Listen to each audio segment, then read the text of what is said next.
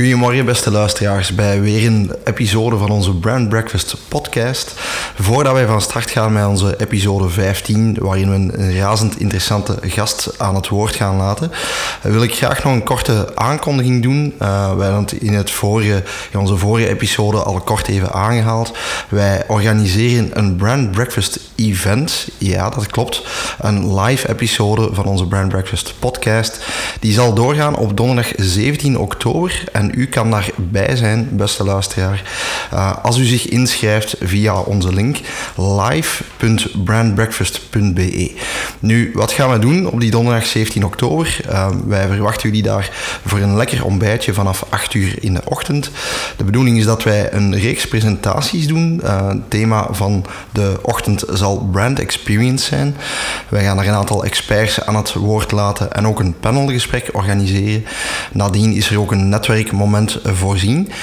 Dus kortom, een zeer interessant en inhoudsvol evenement dat we voor jullie organiseren en dat tevens dan ook geldt als een live podcast opname. U kan er opnieuw bij zijn. Um, wij gaan uh, in de komende weken nog heel wat informatie daarover delen, maar de inschrijvingen zijn reeds geopend. Dus opnieuw de link waar u kan inschrijven is live, L-I-V-E, brandbreakfast.be. Wij hopen jullie daar talrijk te mogen zien. Welkom bij Brand Breakfast, de Nederlandstalige podcast over merken en marketing. Geniet van deze aflevering vol tips en tricks om ook uw merk te verbeteren.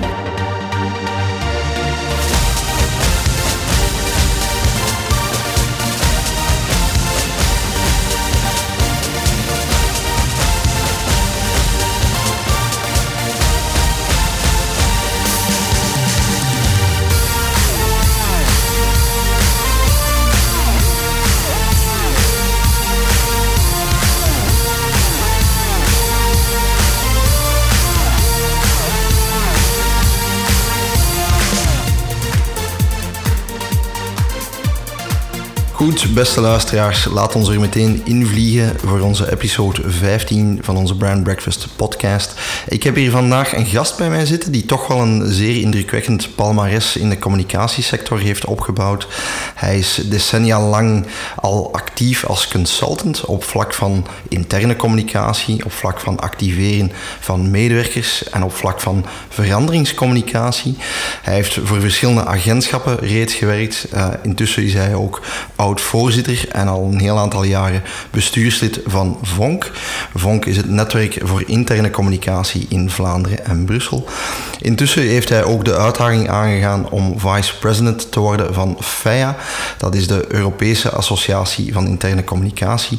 Kortom, een heel groot palmares om u tegen te zeggen. Welkom Peter op de Beek. Goedemorgen. Goedemorgen. Heel fijn dat je even tijd kon maken om met ons te spreken. Uh, we zouden het graag over jouw vakdomein willen hebben, over interne communicatie. Mm -hmm. uh, ook de link daarmee met branding uiteraard. Ja. Uh, spreekt voor zich. misschien een inleidende vraag, Peter. als ik naar jouw cv kijk, zie ik daar uiteraard een, een bepaalde rode draad in. Van waar jouw fascinatie voor interne communicatie? wat boeit jou daar zo in? Goh, dat is eigenlijk wel een, een, een leuke vraag om mee te beginnen, want ik heb niet echt het traditionele parcours van de communicatiemedewerker of de communicatiespecialist. Um, ik ben, en dat zal misschien een verrassing zijn voor u of voor velen, ik ben eigenlijk ooit begonnen in 1992, ondertussen al heel lang geleden, bij Alcatel destijds in de financiële dienst. Mm -hmm. Gewoon omdat ik een opleiding had toegepaste economische wetenschappen. Dat was een hele algemene en hele brede opleiding, wat mij heel fascineerde in die tijd. Ja. Ik ben dan begonnen, gelukkig niet als boekhouder. Uh, ik zeg er dat bij omdat ik vind absoluut niks tegen boekhouders, zeker niet. Maar het is gewoon een hele uh, enge of, of, grote specialisatie waar dat ik altijd gedacht heb, ik moet zoveel mogelijk een brede kijk hebben. Ja, ja. En wat dat heel belangrijk is voor mij, ik moet met mensen kunnen werken. Oké. Okay, ja. En dus ik kreeg de kans bij Alcatel in een tijd om eigenlijk de financiële vertegenwoordiger te zijn in een productieomgeving. We zijn uit fabriek in Hoboken. Um, als financieel analist, uh, um, waar ik dan eigenlijk verantwoordelijk was voor de budgettering en de opvolging van de actuals versus de budgettering, de investeringen. En eigenlijk van dag één mee in het managementteam zat lokaal. Dus ja. met alle uh, handen. Um, linken naar zowel het management als naar de vloer. En dat is altijd heel belangrijk geweest voor mij. Ja. Ik wil met mensen werken, maar ik wil wel op alle niveaus met mensen kunnen werken. Ja, dus, en, dat je er echt middenin staat. Voilà. En dus om een heel lang verhaal kort te maken, uiteindelijk eh, door alles wat er gebeurd is met de uh, Alcatel en later Alcatel Lucent, waar dat ze alle productieomgevingen verkocht hebben en waar dat je eigenlijk een, ondertussen een... Uh, een financiële job had die, die wij eigenlijk een stuk uitgehold werd, had ik zoiets van, ja, ik zit hier in een headquarter functie, het enige contact dat ik met mensen heb is via telefoon of uh, via e-mail en dat, is, ay, dat boeit me niet echt. Ja. Uh, dus ik wil iets wat terug met mensen en ik had dan het grote geluk in een groot bedrijf te werken en daar komt net een vacature voor interne communicatie. Oké, mooi. En ik was dan al met alles en nog wat bezig in mijn vrije tijd, dat veel creatiever was dan mijn financiële uh, werkomgeving. En ik dacht van, laat ook gewoon gaan solliciteren. Ik had blijkbaar toch wel een aantal leuke ideeën, want ze zeiden van oké, begin er maar aan. Ik ben dan acht jaar verantwoordelijk geweest voor de interne communicatie bij Alcatel, Alcatel Lucent en later ook nog een stukje voor de Alcatel Lucent vestiging in Nederland, heel mhm. kort. Om op een gegeven moment uh, eigenlijk uh, was er een, een, nieuwe directeur communicatie en die zei, die deed een tour in heel Europa en hij kwam ook bij ons en zei van ja, zegt hem, wat zou er van denken om naar Parijs te gaan werken? Ik zeg, oh, dat lijkt me wel leuk, maar waarom vraagt je dat nu? Hij zegt, ja, zegt hem, uh, interne communicatie, ik ga dat gaan centraliseren vanuit Parijs voor 22 landen waar ik voor verantwoordelijk ben. Oké. En ik zeg, dan, dan hebben we een probleem. Hoe bedoelt je, zegt? Ik zeg, ja, dat lukt niet. Ik zie dat zelf. Ik heb uh, drie, vier vestigingen, bijvoorbeeld Antwerpen, Namen en dan ook twee in Nederland. Als ik een week niet naar Namen ga, dan krijg ik daar ook niks meer gedaan. Dan krijg ik de mensen ook niet meer mee. dus interne communicatie is iets dat heel kort bij de mensen moet zitten. En je moet als het ware, je moogt zeker niet de vertegenwoordiger van het management zijn, maar je moet ertussen zien en je moet een beetje die helikoptervisie hebben en je moet voeling hebben met de vloer. En dat is heel belangrijk. Okay. En hij zegt van nee, ik ben daar niet mee akkoord. Zeg ja, oké, dan, uh, dan scheiden onze wegen hier. En ben ik daar ook weggegaan om dan later uh, meer uh, in communicatiebureaus te gaan werken. Ja, ja, Dus vandaar die passie voor interne communicatie. Eén, werken met mensen en op alle niveaus eigenlijk iets kunnen betekenen. Ja, je zegt het zelf, dicht bij de mensen staan als ik u dan concreet vraag, eh, interne communicatie, als wat catalogiseer je dat? Gaat dat over communicatierol of is dat eerder een HR-rol? Of moet ik u meer zien als een, een soort people manager, uh, die rol? Hoe zou je, sta je daar zelf tegenover? Wel, dat is eigenlijk wel uh, een moeilijke in die zin dat als je goed kijkt, hè, want je hebt daar straks uh, gesproken over Vonk en dus uh, wij hebben wel wat leden, hè, we, hebben, we, hebben, heel wat mensen die interne communicatie doen in de Belgische, Brusselse en Vlaamse bedrijven, ja. op alle niveaus, grote, kleine, privaat, overheid. En wat je dan eigenlijk ziet is um, dat interne communicatie verspreid zit in de organisatie. Dus soms kan dat bij, bij HR zitten, soms zit dat in corporate communicatie, nog anders zit dat rechtstreeks onder de algemeen directeur of de CEO, mhm. soms zit dat bij externe communicatie. Dat is heel variabel en dat is ook een beetje waar we naartoe gaan. Allee, ik denk, je kunt niet zeggen interne communicatie is louter communicatie. Nee, heeft altijd dus de link naar HR, ongetwijfeld. Maar heeft ook een andere link, bijvoorbeeld naar IT. Misschien is het niet altijd duidelijk, maar dat is wel belangrijk. En, en dat is eigenlijk een beetje multidisciplinair. En wat, wat ik wel leuk vond in, in HR bijvoorbeeld, de evolutie die daar is, zag, je zag daar HR business partners ontstaan. Ah, wel, ik denk dat wij ook een partner moeten zijn vanuit interne communicatie, een communicatiepartner voor een bedrijf, voor een organisatie, mhm. maar dat wel op alle niveaus. En misschien gaan we het daar straks nog over hebben, maar mijn en dada is, interne communicatie moet een strategisch beleidsinstrument zijn van een bedrijf. En daar kun je echt wel een verschil mee maken. Ik geloof dat absoluut. Ja, misschien is dat ineens naadloos een, eh, een transitie naar een volgende vraag. Je zegt inderdaad een strategisch beleidstool. Uh, um, waar moeten, we spreken dan voornamelijk over middelgrote en grote bedrijven nu. Je hebt natuurlijk ook KMO's, kleinere bedrijven, zoals, zoals het mijne, waarin dat je meer een, een, een, intiemere band hebt zeg maar, in een klein team. Mhm. um, middelgrote, grote bedrijven, waar moeten die op letten? Wat zijn, wat zijn valkuilen binnen interne communicatie? Of wat is, wat is voor u een sterk beleid daarin? Ik zal het zo vragen. Wel, um, er zijn twee, twee elementen, denk ik, in dat verhaal. Eén van wat zijn de verwachtingen van de mhm. organisatie en twee, hoe, hoe antwoorden we daarop. Ja. Um, als je een, een enquête doet bij het personeel in bedrijven, meestal, wat komt daaruit? Het gaat niet zo goed, het is een fout van de communicatie. Heel, heel, heel dikwijls komt dat eruit en dat is, uh, ja, uiteindelijk kunnen, dat, kunnen we wel een stukje meegaan, maar als je dan gaat kijken naar wat zijn de oorzaken daaronder, dan gaat het toch wel iets dieper. Ja, ja. En dan gaat dat heel vaak over. ehm, er wordt te weinig echt gecommuniceerd in ons bedrijf. Hè. We gaan daar misschien ongetwijfeld nog over hebben, maar heel vaak komen we niet verder vandaag de dag. eh, we sturen een mail en we hebben toch gecommuniceerd. Zeker. Ja, heel Iedereen weet dat toch. eigenlijk, Voilà. ja. Ja. Eh, wat dan niet echt volgens mij de, de, de lading dekt van interne communicatie. Twee, Mhm. We komen ook uit een tijd, en gelukkig is dat ook allemaal veranderd, waar dat eigenlijk eh, het altijd een goed nieuwsshow was. Ja. Alle Ja, ja, interne communicatie kwam van boven naar beneden en zie je zo goed dat we het aan het doen zijn. Ja, ja, ja. Ja, misschien is dat wel waar, maar er zijn toch ook wel een aantal pijnpunten in de organisatie waardoor het komt dat onze mensen niet eigenlijk mee zijn met wat dat we willen dat ze mee zijn. Eén, Ja, begrijpen het niet dikwijls. Dan wordt het verhaal misschien ook niet meer geloofwaardig. Hè? Eh, Eén, als je natuurlijk een ander gevoel is bij je medewerkers dan hetgene wat jij communiceert. Absoluut. Mensen zijn ook veel, veel mondiger geworden Klopt, en, en ja, ja. Krijgen nu ook de laatste tijd met alle fake news enzovoort. ja, maar nee, het is wel zo. Dus ze krijgen ook wel een tweede, eh, een, een, een, lampje, denk ik, dat gaat branden als ze zeggen van, "Hmm, deze klopt toch niet met de realiteit. Hè? Waar dat je dan, en dan gaat het over branding al direct, van, dan krijg je ineens uitingen op social media, persoonlijke Yes. dingen van mannen bij ons in het bedrijf dit of dit, en dan kun je daar als bedrijf eh, op moeten reageren enzovoort. Ja. Dat is een andere zaak.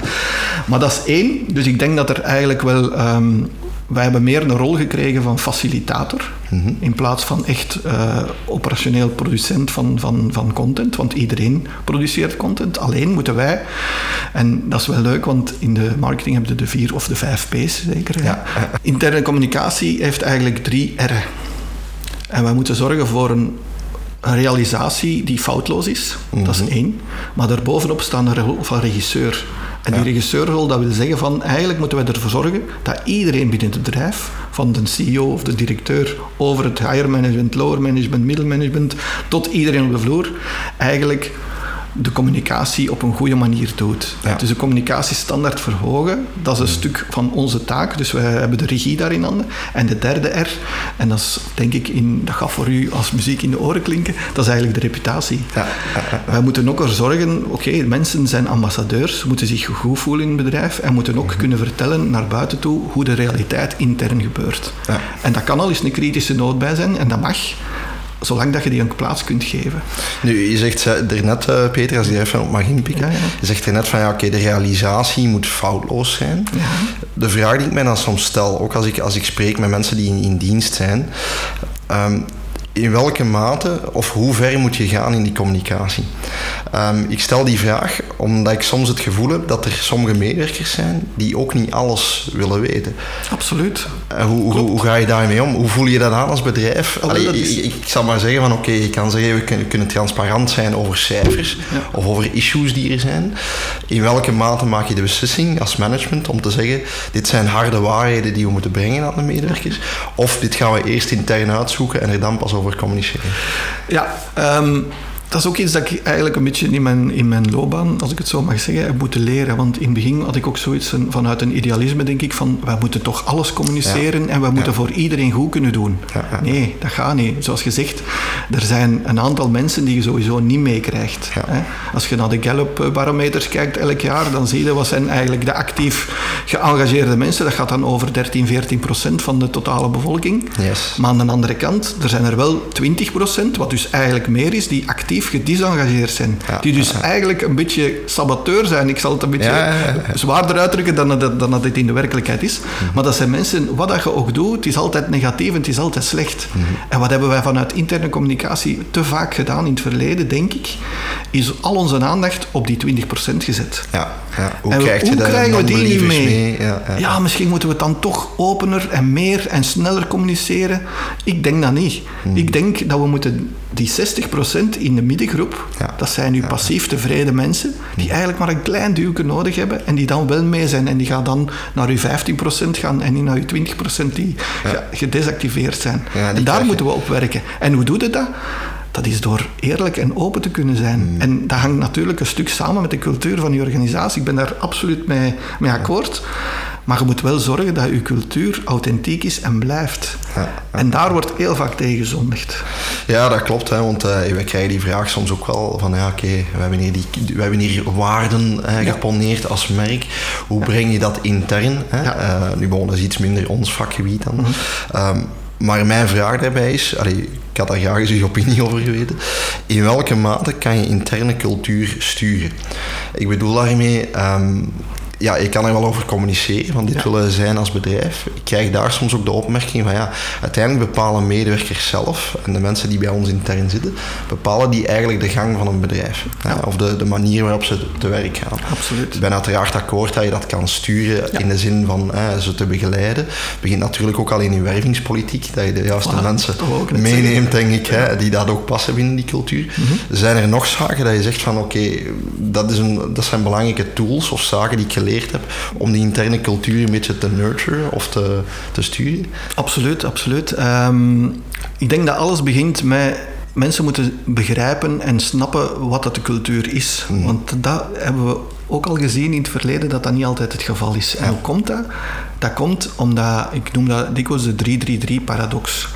Ja misschien nogal wel van gehoord, maar wat betekent dat eigenlijk? Uw management, uw hoger management, uw eh, exco, die gaat drie maanden of soms zelfs drie jaar in hun groepje nadenken over waar willen wij met ons bedrijf naartoe?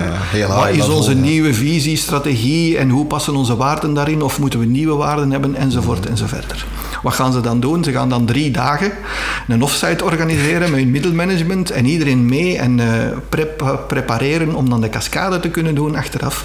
En dan is er een drie uur durende uh, all-staff of, uh, of teammeeting, waarin dat ze zeggen van, mannen, dat is het nu en nu willen we dat iedereen mee is. En vanaf dag twee denken van, oké, en nu is alles toch in orde. maar zo werkt het, natuurlijk niet. Dus het zal nee, vanzelf... Want uh, mensen begrijpen dan niet waar dat je naartoe wilt. Dus je moet dat heel duidelijk en heel transparant en verstaanbaar, want daar slagen we ook niet altijd in. Heel vaak gebruiken we te veel managementtaal of te veel jargon enzovoort enzovoort. Dus je moet dat één verstaalbaar vertalen dat mensen dat stappen. En dan de tweede fase, en die wordt heel vaak vergeten, dat is een activeringsfase, noem ik die altijd. Wat gaat dat over? Dat gaat over, laat een keer zien dat wat we hier vertellen, dat dat niet zo uh, high sky uh, rocket mm. science is, uh, waar dat we niks kunnen bij voelen. Nee, dat zijn door de weekse zaken die elke dag gebeuren in je bedrijf en die eigenlijk een bewijs zijn van waar willen we naartoe, wat is onze strategie, wat zijn onze waarden. Maak dat duidelijk en concreet en laat uw mensen daar een stukje het is een clichéwoord, maar ambassadeur zijn. Ja. En laat dat van onderuit viraal verspreiden van mannen. Eigenlijk wat dat ze hier zeggen, wij doen dat al voor een stuk, we moeten misschien nog een klein beetje bij doen. En zo kunnen dat wel gaan beïnvloeden, denk ik dan. Ja, ja volledig mee eens, hè, dat activeren een stuk. Hè. Wij zeggen ook vaak aan, aan bedrijven, hè, elk bedrijf heeft zo waarden, hè, wat we dan vaak zien, ook naar externe waarden toe, is dat die eigenlijk perfect inwisselbaar zijn. Hè. We zeggen van ja, we zijn klantgericht, we zijn kwalitatief, ja, oké, tof. Maar... We, doen, we doen heel vaak bij Vonk, als we een opleiding geven naar de nieuwe communicatiemensen, doen we dan een test en dan geven we zo'n aantal waarden, zeggen van, van welk bedrijf is dat, en dan krijg je de... Oh ja, ja van de telecom uh, tot, voilà, tot, tot, tot de lucht. kunnen zeggen, van, dat, kan, dat kan een advocaat, dat kan zo zijn, dat kan even goed een autofabrikant zijn, hè, bij wijze van spreken. dus ja, daar spelen wij ook heel hard op van proberen dat uniek te maken. En inderdaad, zoals je zegt, hè, uh, tastbaar maken. Hè, en iets wat wij altijd meegeven in zo'n oefening, is van kijk, zorg dat als je een waarde hebt, dat een persoon, een medewerker die uit zijn rol ook perfect kan vervullen. Dat die perfect weet, die waarde voor mijn functie betekent dat dat. Hè. Absoluut. En ik denk dat dat, het, het succes element daarin is. Hè, dat je het ook kan waarmaken effectief. Dat klopt, dat klopt. En daarom is ook, uh, en dat is eigenlijk een, een, een pijnpuntje, denk ik, dat we vandaag in interne communicatie heel vaak zien, is onze laag van middelmanagers. Mm Die is cruciaal daarin. Ja. Want dat, zijn eigenlijk, dat, dat moeten eigenlijk katalysatoren zijn. Die moeten ervoor zorgen dat, wat je net komt te zeggen, dat uh, strategisch verhaal op organisatieniveau, dat dat concreet vertaald wordt. Oké, maar wat betekent dat nu voor ons team? Mm. En wat betekent dat voor elk van onze teamleden individueel? Ja. En dat moeten ze goed kunnen doen. En daarvoor hebben ze ook wel een bepaalde communicatieskill nodig. En het is onze taak vanuit interne communicatie, vind ik, om die mensen daarin een stuk op te voeden en te trainen en te helpen en te ondersteunen. En dus echt waar. Het, uh, het verhogen van de communicatiestandaard bij onze middelmanagers, dat is denk ik de grote taak voor de komende jaren voor interne communicatie. En hoe zit dat vandaag de dag? Wat zijn de ervaringen die je daarmee hebt? Heb je het gevoel dat dat, dat, dat al gebeurt vandaag? Zoals, zoals, zoals met alles is dat ook een, een stuk een individueel verhaal. Want er zijn mhm. mensen die, die echt een achtergrond hebben wat je zou zeggen van ongelooflijk dat hij op die manier communiceert. Hè. Uh, ik geef een voorbeeld van uh, de meeste intellectuele eh, specialist in een heel hoogtechnologische omgeving, maar die er toch in slaagt om zijn team op een hele toffe en leuke en informele manier mee te nemen. Ja, ja, Terwijl je andere mensen hebt die eigenlijk een achtergrond hebben van hmm, jarenlang in HR of weet ik wat gezeten, en dan je zegt van die zou toch die skills en je ziet dat dan niet. Dus dat is een heel individueel verhaal, dus je moet daar wel mee opletten. Maar aan de andere kant denk ik wel dat wij vanuit de organisatie daar de nodige ondersteuning moeten geven. Ik zeg het, dat kan met alles zijn, dat kan heel down to earth zijn. Geeft die mensen, als ze een communicatie moeten doen, laat hen tenminste op tijd weten van het komt eraan. Dus wees voorbereid. En geef hen ook een voorbereiding, een heads up met een aantal informaties, een, een PowerPoint, een, een, story die je kunt geven enzovoort, de, de frequently asked questions. Bepaalde KPI's misschien ja, zelfs. Want wat is het ergste dat er kan gebeuren, en dat zien we nog heel vaak, is dat iemand, uh, een teammanager voor zijn team komt te staan. En mm. eerst hebben we de algemene sessie gehad van de CEO die gezegd heeft, waar willen we naartoe? En dan moet hij dat gaan concreet maken. Hij krijgt een vraag en hij kan er niet op antwoorden. Hij zegt van ja, ik kan er nu niet op antwoorden, maar ik, ik heb het genoteerd, goede vraag, ik zal erop terugkomen. Dus hij gaat dan terug naar zijn hoger management en die zeggen van, allee, wat een vraag, dan moet je toch kunnen op antwoorden zonder eigenlijk het goede antwoord te geven waarop dat hem dan moet teruggaan en zegt van... Eigenlijk heb ik het antwoord nog niet. Dat is nefast. En daar, daar struikelen we vandaag nog. Dus daar moeten we vooral op inzetten, denk ik. En dus ja, om een antwoord te geven op uw vraag, want hoe doen we het vandaag? Het is een beetje een, een, een genuanceerd verhaal. dus het gebeurt soms heel goed, het gebeurt soms veel minder. Waar je ziet het heel goed gebeuren, dat zijn in organisaties die eigenlijk een bepaalde open cultuur hebben waarin dat je ook fouten kunt durven toegeven. Ik herinner mij, en dan ga ik even lang terug in een tijd bij mijn uh, ervaring bij Alcatel. We hadden toen uh, een toenmalige CEO, uh, Paul de Puit, een hele ja, hoe moet ik dat zeggen, een hele communicatieve CEO. Mhm. Ehm, en op een gegeven moment hadden wij daar ook heel veel experts. Hè. Alcatel, heel technologische omgeving, heel um, ingenieursgedreven organisatie. Een aantal mensen die people manager geworden waren, gewoon om het feit door één jaar lange trouwe dienst en door een expertenfunctie doorgegroeid. En dus moet je ook wel verantwoordelijk worden voor een team van 50 of 100 mensen. Maar die misten die skills. En op een gegeven moment. de anciëniteit uh, naar voren gekregen. Maar, ja, voilà. En op een gegeven moment heeft Paul samen met HR en dan ook uh, communicatie samen, ik was er dan bij samen met mijn uh, toenmalige uh, communicatiedirecteur. We gaan samen zitten en zeggen van eigenlijk moeten we dat in de organisatie bespreekbaar maken. Eén, wat moest er gebeuren? De expertrollen moesten even hoog ingeschaald worden dan de people manager mhm. rollen, want daar zat een heel onevenwicht tussen. Dus het was goed dat je ook expert kon zijn. En twee, we hebben toen twee mensen die echt Allee, je zag dat op zich dat die heel veel problemen hadden om die rol van people manager in te vullen. We gezegd van, wat zou je ervan denken, moesten we dat stuk van u afnemen terug en dat bij iemand anders zetten, dat je u kunt concentreren op uw expertrol. Ja. En die zei van, oh ja, graag, dat zou ons enorm helpen. En we hebben dat ook gedaan, maar we hebben dat dan ook op een heel leuke en originele manier gecommuniceerd binnen het bedrijf. Van mannen, kijk, het is niet erg, je bent daar niet minder waard voor, maar ze weet dat dat kan. Ja, ja, en dat heeft enorm goed gewerkt. En er zijn nog een aantal mensen die dan achteraf spontaan geweest zijn van misschien moeten dat voor mij ook wel doen. Ja, oké. En, en kijk, dat is, ja, dat is ook weer de cultuur dat je creëert daar rond. Hè. Exact, ja. Komt vaak terug op hetzelfde, denk ik. Ja, dus, inderdaad. Oké, okay, tof anekdote. Misschien nog een vraagje, uh, Peter, omdat ik natuurlijk ook vaststel bij, bij mijn klanten en gewoon mm -hmm. in allerhande sectoren.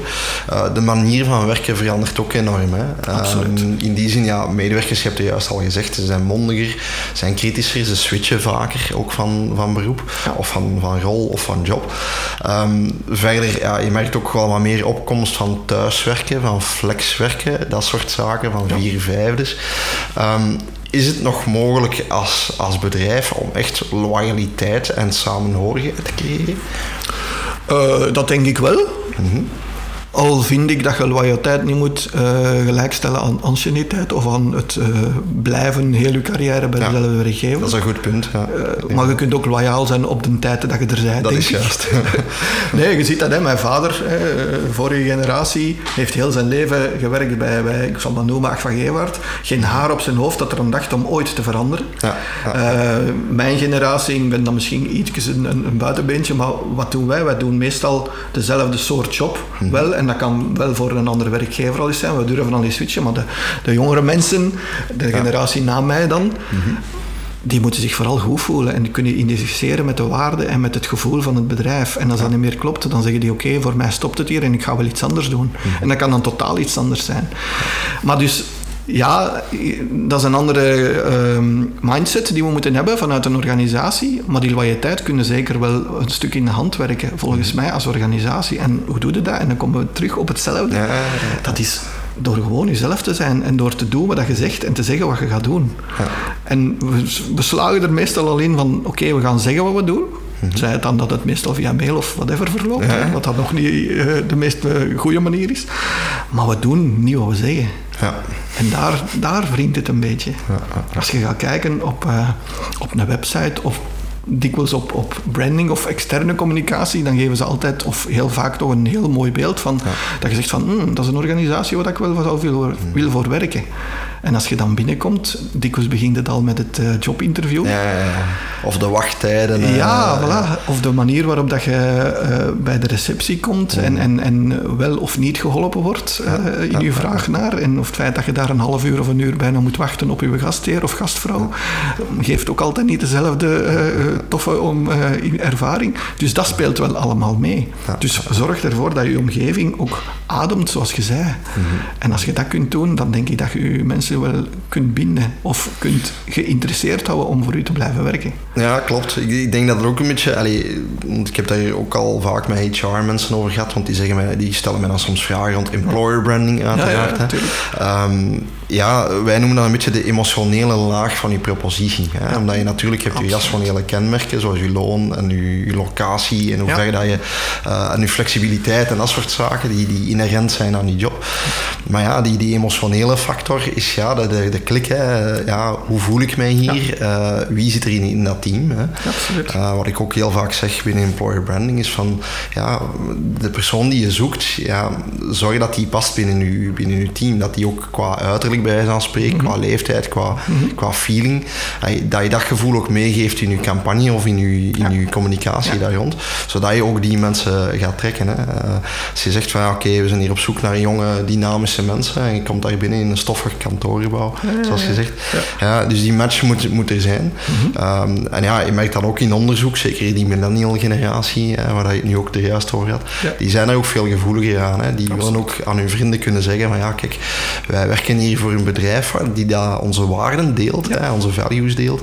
Uh, maar het is zoals je zegt, ja, consistentie en authenticiteit is daarin heel belangrijk. Ja, ja, absoluut. En, en, en het is wel grappig, want um, als we dan even op het niveau van, van FEA gaan, dus het Europees niveau, uh, twee jaar geleden heeft ASCAI, dat is dan de Italiaanse interne communicatievereniging, uh, mm -hmm. eigenlijk een onderzoek gestart en dat is dan overgenomen door FEA en dat is dan eigenlijk uh, pan-Europees gegaan. Ja. En dat was eigenlijk een onderzoek naar interne communicatie en wat, wat, wat, speelt er allemaal en hoe gebeurt het allemaal. En een van de zaken die daar eigenlijk wel, ik vond dat wel frappant, was dat eigenlijk 89% van de respondenten zei, we hebben de afgelopen drie jaar een heel grondige transformatie doorgaan. Ja. Ja. Dus dat is bijna 9 op 10 bedrijven die zeggen van onze mensen hebben eigenlijk de afgelopen drie jaar wel op de toppen van hun tenen moeten staan. Zal, want een transformatie, dat kan van alles zijn. Dat kan een fusie zijn, dat kan een rebranding zijn, dat kan een herstructurering zijn, dat kan van alles zijn. Maar dat vraagt wel wat van mensen. Ja, ja, uh, en, en ja, heel vaak, en we zien dat meer en meer mensen, wat dat vroeger zeiden van ja, ja, maar mensen hebben altijd weerstand tegen verandering. Hmm. Dat klopt voor een stuk, maar de veranderingen zijn vandaag zo talrijk en legio en elke dag overal. Ja, ja. Mensen zijn dat ondertussen wel gewoon. Dus ik denk niet dat dat het probleem is. Maar wat is wel het probleem? Hoe krijg je mensen mee in dat verhaal? Hoe engageert je ze? Hoe krijg, geeft je de mensen goesting om mee te stappen op hun niveau in het grote verhaal? En daar gaat het om. En dat doen we veel te weinig. En daar moeten we de, de, eigenlijk de, de focus op leggen. Oké, okay, ja, interessant Peter. Ja, dat was ook een van mijn vragen, hè, inderdaad, want je zegt je werkt ook rond veranderingscommunicatie. Ja. Hè. Uh, hoe gaat dat precies in zijn werk? Wat, wat, wat zijn de stappen die jullie daar nemen als je als een bedrijf zegt, we doen bijvoorbeeld in de structurering? Um, jij als uh, consultant daarin, uh, zonder nu, nu alles op tafel te leggen. Nee, nee, nee. Maar ik ben wel heel benieuwd, wat zijn dan de stappen die, die, dat zij moeten volgen? Als het gaat over communicatie, want ik neem aan dat er een stukje high level moet gebeuren. Absoluut, een visie ja. moet klaar zijn. Uh, op een gegeven moment moet je dat brengen ja. naar die mensen. Op welke manier doe je dat het beste? En wat is, wat is de timing die je daar zou aanbevelen? Oh. Veel vragen in Dat is al heel concreet, hè? Weet ik, Absoluut, weet het, maar-. Eh, dat is niet erg. Ehm, alles begint natuurlijk bij een goede intake. Hè. Ik denk dat dat in elke branding, of in elk verhaal, ook bij branding eh, zal ik het dan zeggen, ook bij externe communicatie, ook bij alles wat je doet, is uw intake is heel belangrijk. Dus wat doen we meestal? We zorgen ervoor dat we echt wel mee zijn in het verhaal. En eh, we hebben meestal het geluk, en ik kan dat enkel maar aanbevelen aan iedereen die dat zou willen doen, om op het hoogste niveau met mensen te kunnen praten, zoals Ja. je zelf zegt, om die richting, om die strategie goed, te snappen en te begrijpen van oké, waar willen we als onderneming, als organisatie echt naartoe. Ja. Dat moet er zeker zijn. Maar wat zien we heel vaak, is dat die, dat verhaal ook al wel gebracht is intern en dat mensen rationeel hebben van, snap dat, dat is logisch. Natuurlijk moeten we dat doen. Maar niet de emotionele laag hebben, zoals je daarnet kwam te zeggen van, ik krijg die goesting om mee te gaan. Ja. En dat is het belangrijkste wat dat wij doen. Of wat dat we moeten doen. Is eigenlijk de vertaling maken van waar willen we nu toe? Wat is nu eigenlijk het verhaal? En wat is de economisch, of de economische, wat is een emotionele trigger voor mensen om mee te stappen? Mhm. En dat, dat moeten we eerst zoeken. En als we dat hebben, dan kan de rest vanzelf. Ja. En dan, de volgende stappen is van, oké, en wat maakt dat nu voor mij als individu? Mhm. En dan moet je inderdaad zeggen van, oké, we hebben het grote verhaal, maar we gaan dat nu vertalen naar ons. En we gaan dat nu heel concreet maken. We gaan dan zeggen, oké, wat moeten wij als team doen om dat te kunnen bereiken? En meer... Of belangrijker vaak nog, wat moeten we niet meer doen? Wat moeten we laten? Of dat vergeten we wel eens. Of dat wat kunnen we anders doen? Ja. Of wat verandert er in eh, de manier van werken? Ja, voilà, voilà. En eens dat je dat hebt, dan kun je terug gaan opbouwen. Dan zeg je van, oké, dat zijn de verschillende zaken die we binnen in de organisatie, dat zijn de getuigenissen die we kunnen brengen. En die andere mensen ook kunnen zeggen, laten nadenken van, oké, maar mijn collega in die afdeling, die maakt eigenlijk hetzelfde mee als ik zelf. En dat is zijn antwoord erop. Eigenlijk is dat nog niet zo slecht gezien. Dus misschien moeten we dat ook gaan kopiëren. En misschien moeten we dat een klein beetje tweaken en een klein beetje anders gaan doen. Maar het kan ons wel helpen. En niet altijd opnieuw het, het, het warm water willen uitvinden, want dat ja. gebeurt heel vaak. Dus dat is een tweede stap, denk ik. En dan een derde stap, en dat is een hele belangrijke, is, en dat doen we veel te weinig, hè, zeker in onze bescheiden Belgische cultuur, is, we mogen gerust wel onze successen ook vieren. Ja, ja. Alles wat wij doen rond communicatie. Ja, maar dat is Dat zo. is zo. Wat doen wij vaak? Ja, maar deze is niet goed en dat loopt nog niet zoals het zou moeten zijn. En oké, we hebben wel beloofd dat we onze IT gingen aanpassen, maar ja, dat gaat vier jaar duren en je gaat nu de resultaten nog niet zien. Dus wacht nog wat. Maar we zeggen dat gewoon niet. Ja. En we laten ook niet zien wat zijn de kleine successen die we al wel hebben. Dus laat dat een keer zien. Laat mensen proeven van, hé, hey, er zit wel iets anders aan te komen. Dus kom Ja. aan, we gaan nog een stapje extra doen. Op die manier trekt je mensen ook mee in het Ja, verhaal. Zeggen ze van, oké, we zijn hier eigenlijk goed bezig. En, Ah, ja, eh, maar- er zijn wel challenges, maar we kunnen die samen aan. Maar, maar benoemt u challenges ook. En dat, dat wordt soms ook wel eens onder de mat geveegd. Hè. Dan zeggen van, oké, we gaan een positief en een leuk verhaal brengen naar de toekomst, want we willen groeien. Ja, tuurlijk. Maar je zult pijnpunten hebben. Dat klopt. eh, Het laatste inderdaad is iets wat ik bijvoorbeeld ook al heel vaak heb vastgesteld. Hè. Mhm. Ook als ik daarover spreek met andere collega's en dergelijke. ehm, is dat de oefening vaak inderdaad omgekeerd is. Hè. Men luistert niet direct aan, naar medewerkers. Men weet, of laat ik het zo zeggen, men weet dat er, dat er onzekerheden zijn, maar men vraagt niet concreet door welke die onzekerheden zijn. absoluut. En ze zeggen dan van er is een herstructurering of we gaan een fusie doen. En dat is een tof verhaal en we gaan er samen naartoe groeien. Maar ze vergeten wel dat de mensen onderin, dat die zich afvragen, ga ik morgen nog een job hebben? Hè? Absoluut. En op die vraag kunnen ze nog niet antwoorden, dus ze negeren dat gewoon. Ze gaan niet in gesprek gaan. Terwijl dat ik dan zoiets heb, inderdaad, gelijk gezegd, van dat is het moment dat je ze moet vastpakken. Hè? Ze moet geruststellen of op een manier moet kunnen sturen, Ja. zodat ze mee zijn in, in het verhaal. hè. Ja, ja, tuurlijk. Ja. En, en dat is een heel vake kritiek die je dan hoort. Als je dan echt, hè, want we doen, meestal beginnen we eh, aan een top om te gaan horen van waar willen we naartoe. Maar dan gaan we natuurlijk ons, ons oor ook eens te luisteren leggen bij, bij de vloer, zal ik het dan noemen. Om te zeggen van, en klopt dat nu echt wel met de realiteit? En zijn, ze, zijn ze op de juiste richting? Of wat voelen jullie nu eigenlijk? En dan zeggen ze twee dingen. Ja, maar ja, je bent nu de eerste die eens komt vragen wat dat wij echt denken. Ja, ja. En de tweede is dat van, als ze het dan toch al eens gevraagd hebben van, ja, we hebben het wel gezegd, hè, maar ze luisteren niet. Hè. Ze doen toch hun eigen ding. Is, hè. Voilà. En, en dat moet je eruit krijgen, want anders gaat het niet... Maar inderdaad, die, die eerste stap, gewoon al eens je oor te luisteren leggen, dat kan al veel doen, ook naar perceptie. Hè. Eh, dat wat we trouwens ook zeggen in branding trajecten. Hè. Hoe meer dat we medewerkers kunnen laten participeren. Al is het maar er gewoon eens over nadenken. Het is niet dat ze altijd een heel rechtstreekse invloed hebben, maar het feit dat ze weten wat er op, op til staat, dat ze toch eens een, een idee daarover kunnen geven. Mhm. Eh, dat zijn ook zaken die wij meenemen in een analysefase, omdat we aan klanten ook altijd zeggen, ja, dat is wel uw eerste lijn van contact voor uw klanten. Hè. Als jij morgen ineens zegt, dit, dit, zijn wij, ja, dit zijn wij als bedrijf. En ja, oké, ja, tof. Uh, van de ene dag op de andere is dat dan zo, maar ja, het interne stuk wordt inderdaad vaak al wat... Uh, ja, ja, en, daar, en daar zit heel vaak een, een, een, een gevoel bij mensen van we snappen het gewoon niet waar dat ze naartoe willen. Want het is op dat niveau gebracht in mijn bepaalde taal dat mensen niet begrijpen van oké, dat is allemaal goed en wel en ik snap dat wel waar dat je naartoe wilt, maar ik hmm. zie mijn, mijn, mijn stuk zie ik daar niet. of Want ik kan, ik kan dat niet concreet maken. Of, dus vertaal dat op, op hun niveau. En dat wil niet zeggen dat dat, dat dat kinderachtig moet zijn of zo, dat, absoluut hmm. niet. Maar dat moet wel zeggen van, dat mensen moeten begrijpen hmm. waar het over gaat. En uh, ja, nee, daar slagen we heel vaak niet interessant. Uh, misschien nog een, een, laatste vraagje daarover. Um, iets wat ik ook vastgesteld heb in de laatste decennium. Mhm. Natuurlijk een hele grote groei in alles wat technologie is. Hè. Uh, ook in communicatie. uh, de manier van communiceren is enorm veranderd. Hè, zoals je in het begin van het gesprek ook al benoemd had. Ja. Um, wat zijn tools die daar kunnen helpen? ik bedoel daarmee, ik heb, ik heb voorbij tien jaar wel bedrijven gezien die bijvoorbeeld heel veel investeren in intranet bijvoorbeeld of in allerlei toepassingen die daar vaak heel veel geld in steken om dat zelfs custom-made te maken. Uh, je hebt ook allerlei sociale media die daarin faciliteren, zoals een Slack of een Yammer. Facebook is daar ook mee bezig. Ehm, is, is dat allemaal nuttig? Ik heb het gevoel dat dat vaak een beetje hit or miss is. Uh, heeft waarschijnlijk ook een stuk met de cultuur te maken. Mm. Hoe ver dat je mensen krijgt om daar echt in te, te gaan dialogeren. Maar zijn dat zaken die jullie aanbevelen om van die interactiemedia daarmee mee in te krijgen? Of, uh, of zeg je van ja, dat is toch niet, toch ook, niet wat het moet ook, ook, dit is een beetje een genuanceerd verhaal. Ik denk dat, dat, dat, we dat kunnen opsplitsen in twee, twee stukjes. Eén, als je kijkt van oké, wat is de evolutie eigenlijk van interne communicatie dan? Mm. Daar wil ik even eerst mee beginnen en dan even inspelen op oké, die technologische toepassingen. Ja. Eén, ga je ze gebruiken en hoe gebruik je dat dan? Ik wil dat even uit elkaar trekken als je, als je dat niet erg vindt.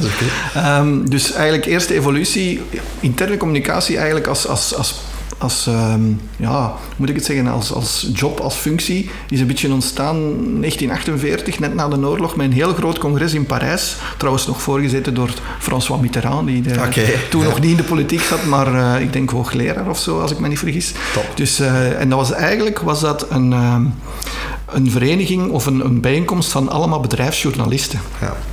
En zo is dat ontstaan, uh, interne communicatie. En ook bij ons. Hè. Dus er waren twee mensen vanuit België die aanwezig waren op dat eh, event in Parijs in 1948. Mhm. En die hebben dus eigenlijk uh, het toenmalige ABC, BVC, de Belgische Vereniging voor Interne Communicatie, opgericht. Ja. Okay, ja. Gewoon, dat waren bedrijfsjournalisten. Dus wat mhm. deden die? Die maakten het nieuws van het bedrijf intern kenbaar. En daar hield het bij op. Daar hield het niet op, want ze mochten ook de feestjes organiseren. Wat dat we vandaag nog altijd mogen doen en heel tof is. Maar dat is, dat is iets anders. Uh, dan zag je eigenlijk een tweede grote golf rond de jaren 70 met de economische crisissen. En wat was er toen? Ja, heel veel herstructureringen. Mensen verloren hun job. Mensen die bleven moesten veel meer gaan doen voor hetzelfde loon. En mhm. dus wat ging het vooral? Het ging over engagement en het ging over verandering. Mhm. Dus die twee elementen werden heel belangrijk in de interne communicatie.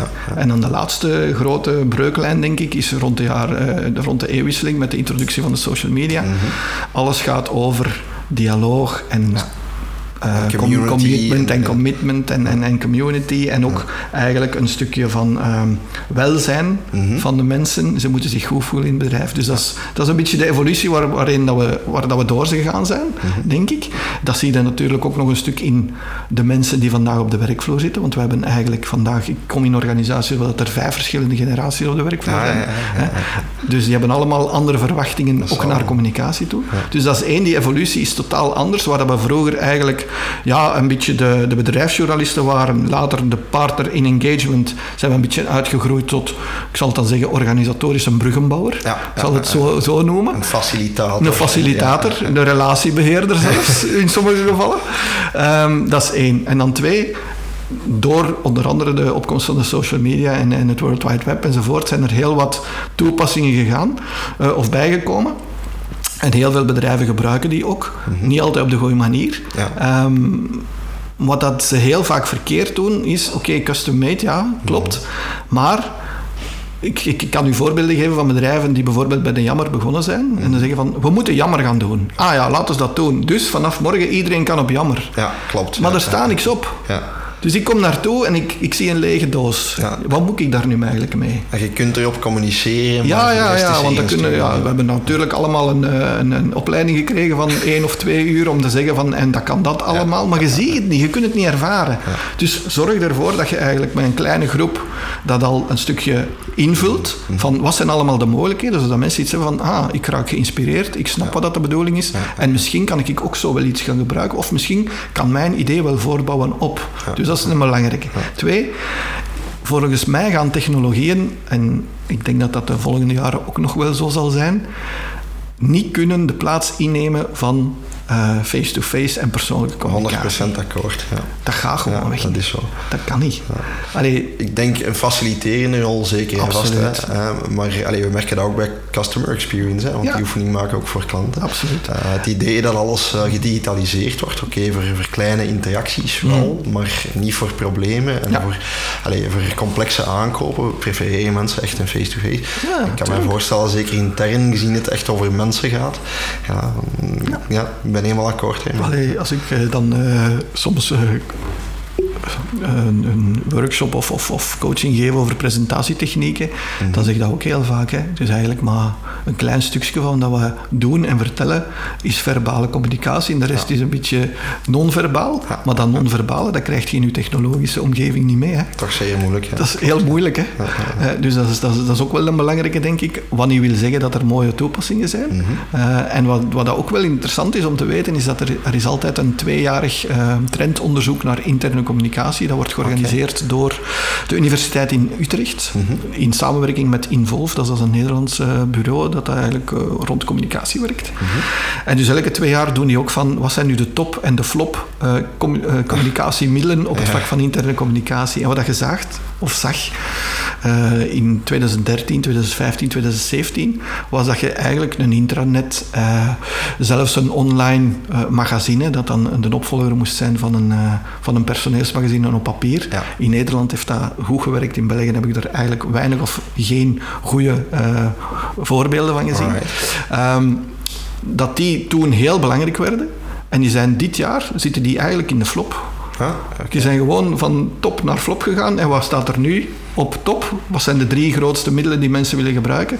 Dat is één, persoonlijke one-to-one communicatie. Teammeetings, heel belangrijk. En ten derde, video. Oké, ja. eh, eh, eh. Wat dat eigenlijk ook een stuk persoonlijke communicatie is, die er een stukje gevirtualiseerd wordt, omdat je dan toch nog de mensen ziet en zie hoe dat hun body language is, bij manier van spreken, om het verhaal te ondersteunen. Dus dat is wel een hele opmerkelijke eh, evolutie, vind ik. Zeer boeiende evolutie inderdaad. Ja, en, eh, boeiende cijfers moet ik zeker eens bekijken. Ja, natuurlijk. Peter, ik heb misschien nog een allerlaatste vraag die dat we aan elke gast stellen. Ehm, heeft iets minder te maken met interne communicatie, hoewel hè, misschien dat je daar ook een duidelijke preferentie hebt. Maar eh, gezien het een branding podcast is, mag ik aan jou vragen wat jouw favoriet merk is? Heb je daar een idee van? Het kan ook een merk zijn dat sterk is in zijn interne communicatie, uiteraard. Goh, dat is wel een... ik had er eigenlijk niet op voorhand niet over nagedacht. Maar ik moet wel zeggen... ehm, ja, ik heb wel zoiets met Apple eigenlijk. Mhm. En waarom met Apple? Eén, ehm, alles wat ze doen ademt hetzelfde uit. Ja. En dat is... Het moet goed zijn, maar het moet vooral mooi zijn. Ja. Allee, o- onze toenmalige CEO, hè, dat was er, eh, die, werd, die werd kwaad op zijn eigen mensen als ze eh, een intern stukje ontwikkelde dat er niet goed uitzag. Ja. Dat mocht perfect werken, maar als dat eh, heel lelijk was, dan wou hem dat niet. Ja. En dat, dat merk straalt dat ook uit. En dat vind ik heel belangrijk in een merk, dat, dat je heel consequent bent. Op een ander niveau, als je kijkt naar bijvoorbeeld een Schoenen Torfs, Ja. Als je Wouter Torfs hoort praten over zijn bedrijf en over zijn mensen, en je komt dan later in de schoenenwinkel bij je om de hoek van, van Schoenen Torfs, dat klopt gewoon. Ja, het dat verhaal. klopt. Ja, absoluut. Die waarden die ze uitstralen, dat zie je gewoon terug bij de mensen die achter de, achter de toonbank staan. Die trouwens ook heel sterk betrokken worden in de opbouw van winkels. Voilà, en daar ga ik het over. Want dat wou, dat, En dat wou, daar dat is- kwam ik dan toe. Ja. Is van oké, je moet je mensen daar wel een stuk in meenemen Yes. en, en mee in opvoeden. Dan moet ik wel zeggen, dat weet ik nu niet of dat, dat bij Apple wel zo het, goed het geval was. In dat geval, ik herinner mij een anekdote. Mijn collega zegt dat altijd van...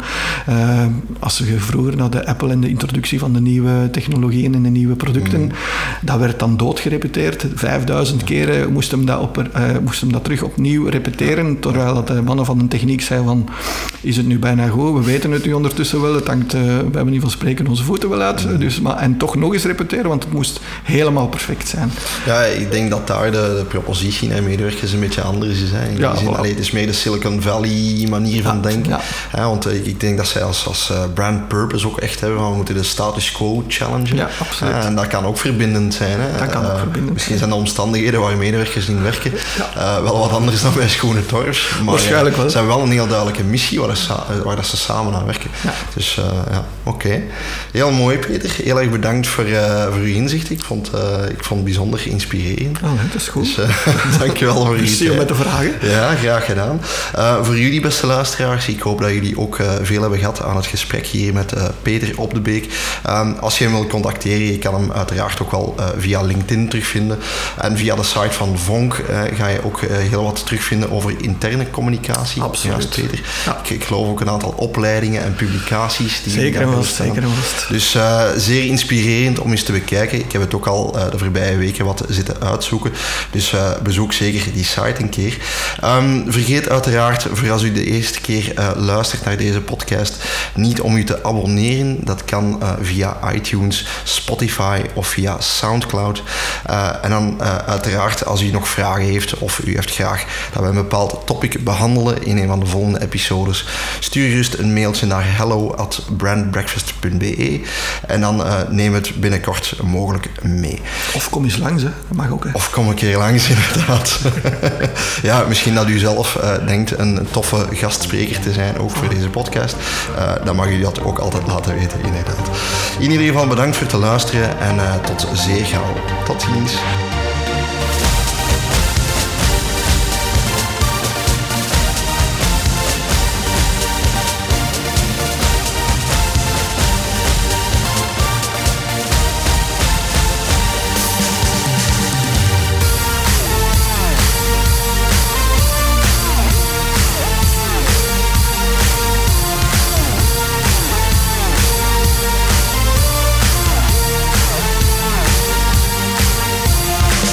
Was Brand Breakfast voor deze aflevering. Dank voor het luisteren.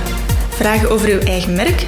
Surf naar pavlov.be en start vandaag nog met het optimaliseren van uw merkstrategie, merkidentiteit of merkbeleving.